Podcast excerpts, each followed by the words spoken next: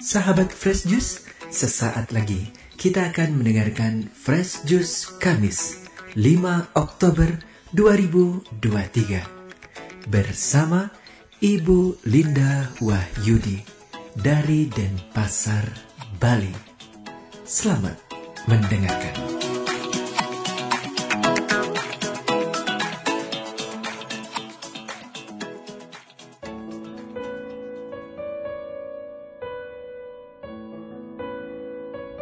Shalom, halo sahabat Fresh yang terkasih. Jumpa lagi bersama saya Linda Wahyudi dari Denpasar. Hari ini Kamis 5 Oktober 2023 merupakan pekan biasa ke-26 Dan gereja mengajak kita untuk merenungkan Injil Lukas bab 10 ayat 1 sampai 12 Mari kita bersama-sama mendengarkan Injil Tuhan. Inilah Injil suci menurut Lukas. Dimuliakanlah Tuhan. Pada waktu itu, Tuhan menunjuk 70 murid. Ia mengutus mereka berdua-dua mendahuluinya ke setiap kota dan tempat yang hendak dikunjunginya Berkatalah ia kepada mereka, Tuayan banyak, tetapi pekerjanya sedikit. Sebab itu mintalah kepada Tuhan yang empunya tuayan, agar ia mengirimkan pekerja-pekerja ke tuayan itu. Pergilah, camkanlah, aku mengutus kalian seperti anak domba ke tengah-tengah serigala. Janganlah membawa pundi-pundi atau bekal atau kasut. Dan janganlah memberi salam kepada siapa pun selama dalam perjalanan. Kalau memasuki suatu rumah, katakanlah lebih dahulu, damai sejahtera bagi rumah ini. Dan jika di situ ada orang yang layak menerima damai sejahtera, maka salammu itu akan tinggal padanya. Tetapi jika tidak, maka salammu kembali kepadamu. Tinggallah dalam rumah itu, makan dan minumlah apa yang diberikan orang kepadamu, sebab seorang pekerja patut mendapat upahnya. Janganlah berpindah-pindah rumah. Jika kalian masuk ke dalam sebuah kota dan diterima di situ, makanlah apa yang dihidangkan kepadamu dan sembuhkanlah orang-orang sakit yang ada di situ dan katakanlah kepada mereka kerajaan Allah sudah dekat padamu. Tetapi jika kalian masuk ke dalam sebuah kota dan tidak diterima di situ, pergilah ke jalan-jalan raya kota itu dan serukanlah. Juga debu kotamu yang melekat pada kaki kami, kami kebaskan di depanmu. Tetapi ketahuilah ini, kerajaan Allah sudah dekat. Aku berkata kepadamu, pada hari itu Sodom akan lebih ringan tanggungannya daripada kota itu. Demikianlah sabda Tuhan, terpujilah Kristus. Sahabat-sahabat Fresh Juice yang terkasih, hari ini kita mendengar Yesus mengutus 70 murid berdua-dua.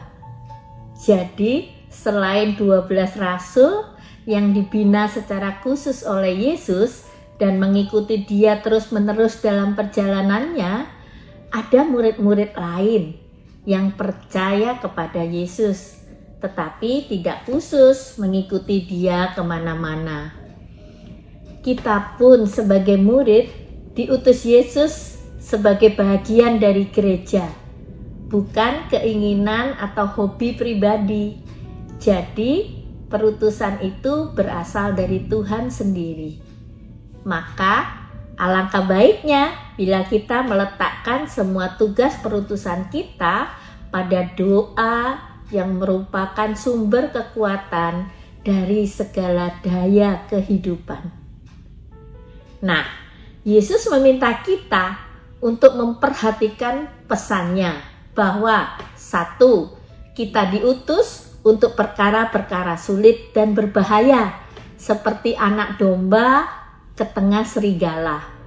Dua, seorang utusan bukan bermodalkan uang, bekal atau keamanan yang dilambangkan dengan kasut.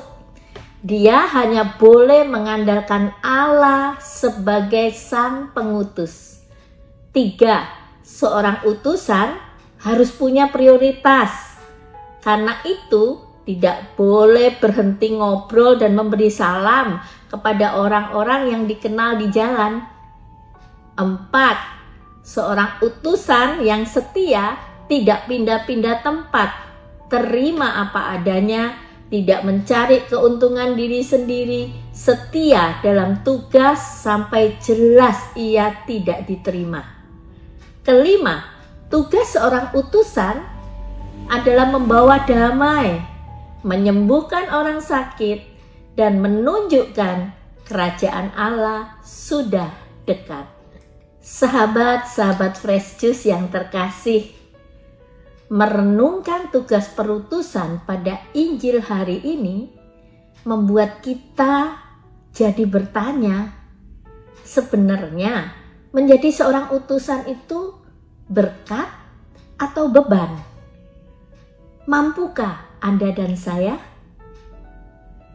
Nah, di suatu hari dalam ulang tahun Juice, saya ditanya oleh sekelompok orang yang ingin menjadi seorang pewarta. Apa dan bagaimana saya bisa menjadi seorang pewarta? Saya mengatakan bahwa dari saya muda, saya sangat mengidolakan Santo Thomas Aquinas salah satu filsuf dan teolog terbesar gereja Katolik. Nah, yang paling menarik bagi saya saat itu adalah bahwa Santo Thomas Aquinas bertambah-tambah hikmat dan kepandaiannya karena mempunyai relasinya yang begitu intim dengan Allah melalui hidup doanya.